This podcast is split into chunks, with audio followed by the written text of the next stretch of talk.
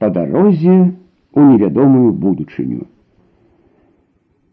Нонг пайшоў, куды вочы глядзяць, накіраваўся на захад, у пушчы бантама, дзе яшчэ, як ён чуў, захаваліся вольныя людзі, куды уцякаюць тыя, каму немагчыма жыць дома. Перад адыходам ён ліквідаваў сваю зямлю, гаспадарку, расквітаўся з даўгамі, пасля чаго яму засталося яшчэ дзесяткі са два гульденаў. Прыемна было і вільбу атрымаць кавалак зямлі, які так перашкаджаў яму. Задаволены быў і луры, які за свой клопат атрымаў ад більбу ўзнагароду, а дэза стала меншая яшчэ на адну гаспадарку. Дарога то ўздымалася на ўзвышшы, то спускалася ў лагчыны, і ўсюды капашыўся народ, усюды пад дрэвамі туліліся кампонгі. Уся краіна здавалася адной суцэльнай вёскай. Нездарма гушчыня насельніцтва складае тут 700 чалавек на адзін квадратны кіламетр. У той час, як нават у найболей заселеных мясцовасцях заходняй Еўропы, яна не перавышае 400 чалавек. Кожны кавалак зямлі старанна апрацаваны, галоўным чынам пад рыс. Як вядома, рыс садзіць рассадай у ваду, або інакш сказаць, пасадзіўшы, заліваюць вадой. І вось яванцы умудрыліся нават на баках гор зрабіць такія палі сажалкі. Яны размяшчаюцца тэрасамі, адно над другім, агароджаны вузенькімі грэблямі, і вада паступова залівае верхнія, потым ніжэйшыя. Уся гэтая справа дасканала размеркавана. Дажджавая вада збіраецца ў адно месца і размяркоўваецца па пэўнаму плану. Быў час жніва. Народ у святочных адзеннях збіраў ураджай. Адны адразалі па каласку і звязвалі ў пучкі, другія на каромыслах адносілі гэтыя снапы дадому. Кожная зярнятка ўлічвалася. Клапаціліся і пярэстыя птушкі рысаўкі, але супраць іх была арганізавана складаная тэхніка. На палёг былі пастаўлены колікі, на іх паначапляна рознае рызжё, ад яго працягнуты ніткі, трохі далей, былі пастаўлены маленькія буданчыкі, а ў іх сядзелі дзеці, якія ўвесь час торгалі ніткі, каб пудзіла рухалася і адганяла птушак. Сям там відаць былі прадпрыемствы капіталістаў, плантацыі чайныя, кававыя, хінавыя. Гэтая апошняя расліна прывезена сюды з паўднёвай Амерыкі і так добра прыжылася, што цяпер ява вырабляе хімы больш за ўвесь свет. Па дарозе на кожным кроку трапляўся рэстаран. Кітаец ставіў дзе-небудзь пад дрэвам два маленькія столікі. На адным неяк прыладжваў жароўню, якую размухоўваў бананавымі лістамі накшталт кавальскага неха. На другім стаяў гатаваны рыс і розныя прысмакі да яго. Прысмакаў шмат. Ад некаторых у нас вочы павылазілі б на лоб, але тубыльцы вельмі любяць іх. Заместа талерак лісці, Нонг адчуваў сябе вялікім панам, бо меў грошы і мог харчавацца ў такім рэстаране. Ля поўдня пачалася звычайная навальніца, якая наяве ў кожныя сто дзён бывае 61 раз. Але нашага падарожніка гэта не палохала, бо ён заўсёды мог перачакаць дождж пад страхой і пераначаваць таксама. Так ішоў нонг два дні. Спачатку ён адчуў сябе вясёлым, вольным, але чым далей, тым часцей сціскалася яго сэрца, куды ён ідзе, чаго, што яго там чакае, што ён там знойдзе, ці не лепш было б застацца на месцы. Ён чуў, што туды ўцякаюць людзі, але дасканала нічога не ведаў, спадзяваўся толькі, што там ён знойдзе куток, дзе не пануюць белыя, і знойдзе таварышаў, з якімі можна будзе весці барацьбу супраць прыгнятальнікаў. На другі дзень пад вечар ён увайшоў у вёску, дзе мерыўся пераначаваць. Неспадзявана ён заўважыў наперадзе еўрапейца, які нібы шпацыраваў па кампонгу. Відаць было, што ён нікуды не спяшаецца, да ўсяго прыглядаецца. Відаць, і жыхары не часта бачылі еўрапейца, бо з цікавасцю пазіралі на яго з розных куткоў. Насустрач выехаў воз на двух колах, запрэжаны сапі. На возе капок, бавоўна з асобнага малайскага дрэва. Убачыўшы еўрапейца, сапі занепакоіўся, грозна засоп і кінуўся на белага разам з возам. Еўрапеец спачатку падумаў, што вол чагосьці спудзіўся, але зараз жа прыйшлося пераканацца, што ён нясецца проста на чалавека. Той адскочыў у бок, сапі за ім, у другі бок і вол за ім. Пеганг, пеганг, стой, дзяржы! — крычаў ззаду спалоханы гаспадар, але раз'юшаны бык насіўся за белым, нібы сабака, і гатоў быў ужо прыперці яго да плоту, але тут нонг ухапіў жменю пяску, сыпануў валу ў вочы і затрымаў яго. Сапі спыніўся, але ўсё касавоіўся на чужака. Падбег гаспадар, ухапіў вала, пачаў прасіць у еўрапейца прабачэння і паехаў далей. Што ж гэта такое? абурана запытаўся піп, гэта быў ён на ламанай малайскай мове. Гэта бачыце, нашыя валы заўсёды так нападаюць на чужых, не любяць іх, адказаў нонг на галандскай мове таксама ламанай. Толькі не сказаў нонг, што гэтымі чужымі з'яўляюцца выключна еўрапейцы. Гэта цікавая асаблівасць яванскіх сапі даўно ўжо вядома і нарабіла нямала бяды. Няўжо ж заўсёды так бывае, запытаўся піп, бадай заўсёды. Вось якія патрыёты, прабурчэў піп, у кожным разе ты малайчына, выратаваў мяне, ды яшчэ па-галандску гутарыш, на табе за гэта. Ён даў нонгу манету. І толькі калі пі падышоў, нонг схамянуўся, навошта ён выратаваў гэтага белага пана. Што мне выходзіла, Няхай бы выпусціў яму кішкі, нават жывёла ведае нашых ворагаў. А піп, адышоўшы некалькі крокаў, раптам спыніўся і павярнуўся да нонга. Ты тутэйшы? Не, адказаў нонг. Ты маеш працу? Не, я іду шукаць яе. Куды?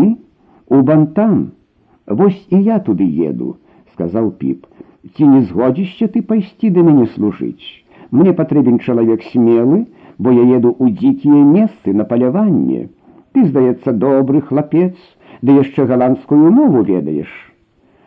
Нонх адразу сцяню, што лепшага выпадку для яго быць не можа, але каб не паказаць сваёй радасці, ён запытаўся: « А колькі туан будзе плаціць?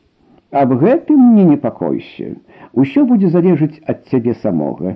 У такой справе патрэбны вернасць, смеласць і чэснасць. Калі ўсё гэта выявіш, дык не пашкадуеш. Пакуль што магу табе абяцаць 20 гульданаў на месяц на маім утрыманні, А калі дагодзіш, то можа быць і ў два разы болей. Каб зразумець, як павінен быў нонг аднесціся да такой прапановы, Трэба ведаць, што за катаражную працу на плантацыі нонг атрымліваў 12 гульденаў на сваіх харчах. Трэба наогул адзначыць, што зарплата тубыльцаў рабочых і служачых не бывае больш 40-60 гульденаў у месяц, а для галандцаў не бывае меней за 150-200. Я згодзен, адказаў нонг, і пастараюся дагадзіць туану, А як цябе завуць, Нонг, тады ідзі са мной, сказаў піп, і Нонг пайшоў за ім на некаторай адлегласці, як належыць добраму слузе. Мінгер піп ехаў у Тэнанг, невялікі гарадок у рэзідэнцтве акруга Бантам. Як казалі піпу, там пачыналіся пушчы, дзе яшчэ можна было спадзявацца знайсці першабытныя куткі прыроды. Піп наняў кахар балон, закрыты воз на двух колах, запрэжаны тройкай маленькіх яванскіх коней і з нецярплівасцю чакаў, калі ён убачыць сапраўдную яву. Але пакуль што нічога сапраўднага не было. Усё палі ды вёскі, усюды многа беднага люду, зусім не так уяўляў ён сабе гэтую дзіўную яву. Ён нават не вельмі цікавіўся жыццём незнаёмага народа і спыніўся ў гэтай вёсцы толькі таму, што быў прымушаны пераначаваць. Спыніўся ён у багатага гаспадара, які разам з тым быў і гандляром і карчмаром, але апошняя прафесія давала мала карысці.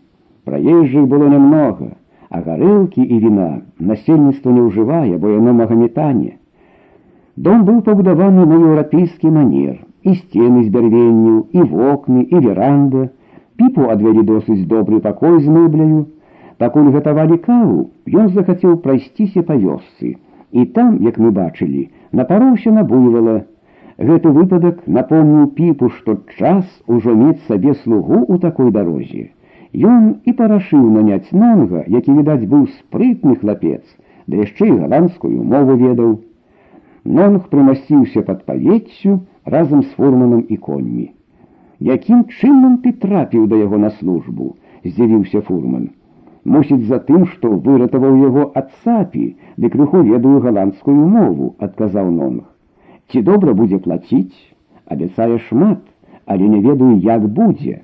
Ну і пашанцавала табе, сказаў фурман з зайздрасцю. Я б ахвотна кінуў свайго араба, ды перайшоў на такую пасаду. А калі будзем у тынангу, запытаўся нонг. Заўтра пад вечар. Раптам пачуўся жудасны крык спакою піпа. Ай, ратуйце, нонг сюды! Нонг рынуўся ў пакой, за ім фурман, потым гаспадар. Яны ўбачылі, што піп скача па хаце як вар'ят і хапаецца за сваё вуха а за вухам сядзела шэрая яшчарка. Некалькі разоў піп спрабаваў адарваць яе, але яна так упілася, што здавалася толькі разам з вухам можна было б яе адарваць. Што рабіць? з адчаем крыкнуў піп. Яе нават адарваць нельга, дапамажыце. Але тубыльцы зусім не спалохаліся, а наадварот засмяяліся, піп абурыўся, Чаго вы смеецёся? Ці не няўмысля вы гэта зрабілі? грозно крикнул ён. Не бойцеся, сказал нон. Гэта зусім бяспечна, не трэба толькі яе рваць. Пачакайце крыху, яна сама саскочыць. А калі яна укусіць? Не, не укусіць. Стойце толькі спакойна, не рухайцеся, мы ж гэта добра ведаем. Піп спыніўся, уцягнуў галаву ў плечы, зморшчыўся ад агіднага пачуцця і стаў чакаць. Спачатку, калі гэта яшчарка звалілася на яго са столі, ён пачуў, нібы яго апякло. Цяпер гэта ўжо прайшло, і адчувалася толькі, што нешта халоднае прыклеілася. Вось яшчарка напружылася, раздулася і пачала сіпець, як насценны гадзіннік перад боем. Піп зноў заскакаў: ціха, ціха, не рухайцеся, не бойцеся, закрычалі прысутныя. Піп яшчэ глыбей уцягнуў галаву, На ілбе выступіў пот. Ён гатоў быў падумаць, што з яго здзекуюцца, але тры чалавекі казалі яму вельмі сур'ёзна: мусіць так і трэба. І вось над вухам пачуліся выразныя словы. Ток эй, ток эй, ток эй. Спачатку піп не разабраўся, адкуль і хто гаворыць. А калі сцянуў, што гэта яшчарка, то нарыхтаваўся зноў заскакаць, але тубыльцы папярэдзілі. Не бойцеся, не рухайцеся, зараз конец. Восемь разоў сказала яшчарка гэтыя словы, а потым неяк задаволена закрактала, нібы стары дзед на печы і саскочыла на зямлю. Вось і ўсё, сказалі тубыльцы. Піп пакратаў вуха. Будьце спакойны, сказаў нонг, ніякай шкоды і ніякага следу не будзе. Токе няшкодная, свойская жывёла. Дякую, буркнул піп. Сёння я ўжо пазнаёміўся з двума вашымі свойскімі жывёламі, але як жа мне тут начаваць? Гляньце, што робіцца. Па сценах, па столі бегалі яшчаркі так жвава і лёгка, нібы па падлозе. Горад і мухам і камарам, якія трапляліся ім на вочы. Адным махам яшчаркі наганялі і лавілі іх. Вось у кутку закукавала яшчэ адна яшчарка, але на гэты раз ужо ек Ко, Еко. Але тубыльцы не бачылі ў гэтым нічога дзіўнага. Для іх гэты гук азначаў тое самае, што для нашых сялян гук цыркуноў за печшу. Гэтыя яшчаркі нават лічацца пажаданымі кватарантамі, і кожны гаспадар, пабудаваўшы новы дом, з нецярплівасцю чакае, пакуль паселіцца гекко. Гэтыя яшчаркі вас не будуць чапаць, сказалі піпу. Тая звалілася на вас выпадкова, да яна і з'явілася з надворку, а гэтыя зусім няшкодныя. І пасля ўжо таго, як усе выйшлі, піп успомніў, што ён нават чытаў пра гэтую геку ў кніжцы, што яны досыць распаўсюджаныя нават у паўднёвай Еўропе, што гэты геку або геконаў налічваецца каля 50 парод, але ўсё вычытанае з кніжкі вылетела з галавы, калі на вуха зваліўся сапраўдны гекон. Назаўтра выехалі да святла. Кахар балон хутка каціўся па вузкай дарозе, піп сядзеў пад балдахінам, але гэтая павець была прыстасавана так нізка, што даўгі пасажыр павінен быў сядзець скурчыўшыся, бо галава выпінала тканіну. Нонг сядзеў наперадзе побач з фурманам. Пачала ўжо змяняцца і мясцовасць. Узвышы рабіліся больш камяністымі, непрыгоднымі для земляробства, а нізіны ўсё больш балотнымі. Адпаведна гэтаму і насельніцтва значна парадзела. Пад вечар прыехалі ў Тэнанг. Уласна кажучы, у ім была толькі адна вуліца, шырокая, чыстая, прыгожая. Па баках стаялі бялюткія домікі, дзе размяшчаліся афіцыйныя установы і крамы. Тут быў дом асістэнт рэзідэнта, памочніка рэзідэнта, пошта, суд, казармы для салдат, якіх было 100 чалавек, але ўсе з тубыльцаў, за выключэннем камсостава, а навокал ляпіліся ў беспарадку халупкі тубыльцаў. Зразумела, ўсё гэта хавалася пад пальмамі, бананамі, усялякімі іншымі дрэвамі, а далёка на поўдзень ішлі таемныя лясістыя горы, куды ўлада галандская, можна сказаць, і не дасягала.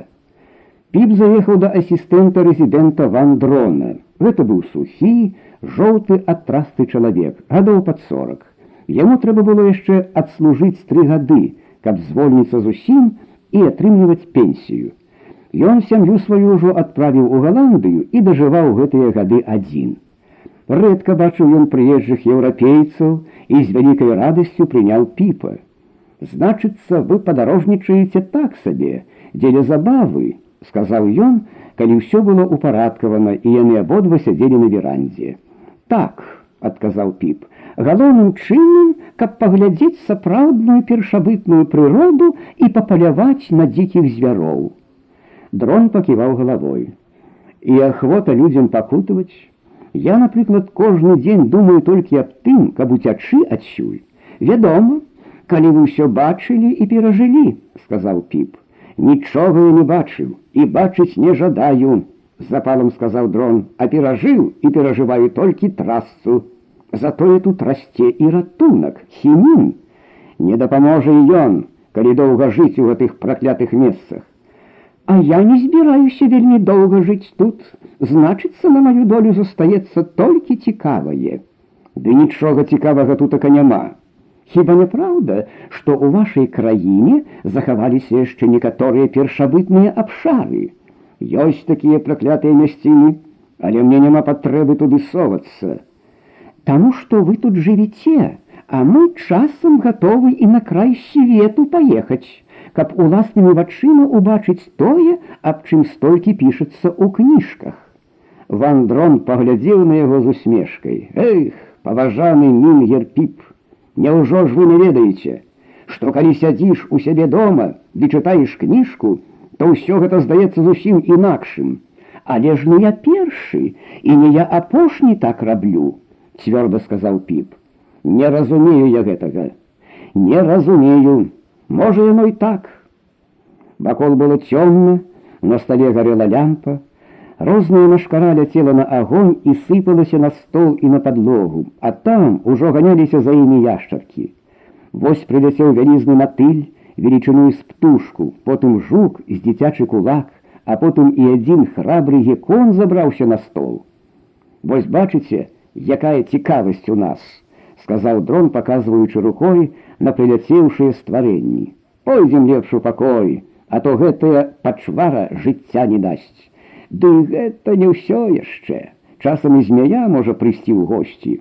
Добра, калі заўважаеш яе ды спудзіш, тады ўцячэ, а бывае, што наступіш на яе, тады ўжо бяда. Толькі затым і жыць можна, што першыя яны ніколі не нападаюць. Ды вось гэтыя геконы лезуць, лезуць і перашкаджаюць ім тутака размяшчацца. Не глядзіце, што яны малыя, але аднаго разу так шчапіліся з метровай змяёй, што людзі забралі яе ў палон. Перайшлі ў пакой, слуга падаў вячэру. Вось бачыце, колькі тут цікавага для новага чалавека, сказаў піп. Паглядзець раз другі можа і цікава, але жыць сярод усяго гэтага зусім не цікава. Гэта і я разумею, згадзіўся піп, а скажыце, калі ласка, што за краіна ідзе на поўдзень ад вас? Што там знаходзіцца? Ці жыве там хто? Як арганізаваць туды экспедыцыю? Жывуць там яшчэ так званыя бадувісы, якія лічацца старэйшымі і чысцейшымі яланцамі. Яны схаваліся там яшчэ ў 15 стагоддзі ад арабаў, каб толькі не пераходзіць у магометанскую веру. Дзеля гэтага яны называюць сябе д'елена, што азначае людзі, якія захоўваюць веру дзядоў. Няўжо ж сапраўды яны да гэтага часу незалежныя, здзівіўся піп. Незалежныя ў той меры, у якой незалежны тыгры, насарогі і іншыя звяры, што там захаваліся. Бадуісаў вельмі мала, не болей як две тысячи чалавек. Пашкодзіць яны не могуць, а ганяцца за кожным з іх няма сэнсу. А як яны адносяцца да белых? Ха, як да белых, не толькі белых, але ўсіх чужых яны не пушчаюць да сябе. А ці бывалі там нашы экспедыцыі? Спробы былі, але дасканала нічога не даведаліся. Ды не варта рызыкаваць і траціць грошы дзеля такога глупства. Ну, а наогул пры звычайным паляванні яны не перашкаджаюць.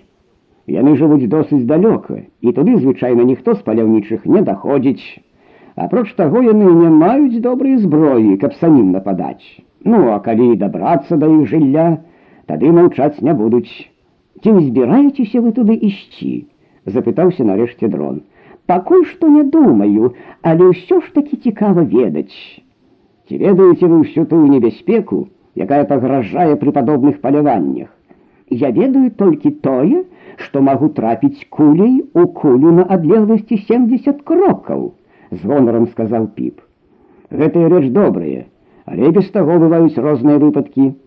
Я не адзін маю добрага слугу, і апроч таго хацеў бы наняць тут яшчэ аднаго правадніка паляўнічага з мясцовых. Можа, параіце каго? Ёсць тут адзін тубылец паляўнічы, які заўсёды бадзяецца там. Ён нават мае дазвол мець стрэльбу, бо знішчае тыграў, а наш урад плоціць за кожнага забітага тыгра 200 гульденаў. Для гэтага патрэбна прад'явіць галаву і лапу, а скура застаецца паляўнічаму. Завуць гэтага чалавека Халон. Заўтра паклічам яго, калі ён тут, але я забыўся яшчэ аб адным папярэдзіць вас. Апрача звяроў і бадувісаў, У лясох ёсць яшчэ адзін вораг, бандыты. Яны нават больш небяспечныя, чым все бадувісы, бо складаюцца з элементаў варожых да ўлады і нападаюць выключна на белых і прадстаўнікоў улады наогул. Нават сярод насельніцтва яны маюць прыхільнікаў, якія ім дапамагаюць. Але на ваше шчасце за апошнія два месяцы аб іх нічога не чуваць. Мабыць, зніклі пасля таго, як 12 чалавек з іх злавілі, і павесілі. На кожны выпадак вы гэта павінны мець на ўвазе. Дякую вам за параду, сказаў піп, буду ўсё гэта памятаць. У той жа самы час Нонг распытваў слух і чуў ад іх прыблізна тое самае. Але адчувалася, што яны ведаюць нешта больш, ды толькі не хочуць казаць усяго новаму незнаёмаму чалавеку, да таго яшчэ слузе белага туана,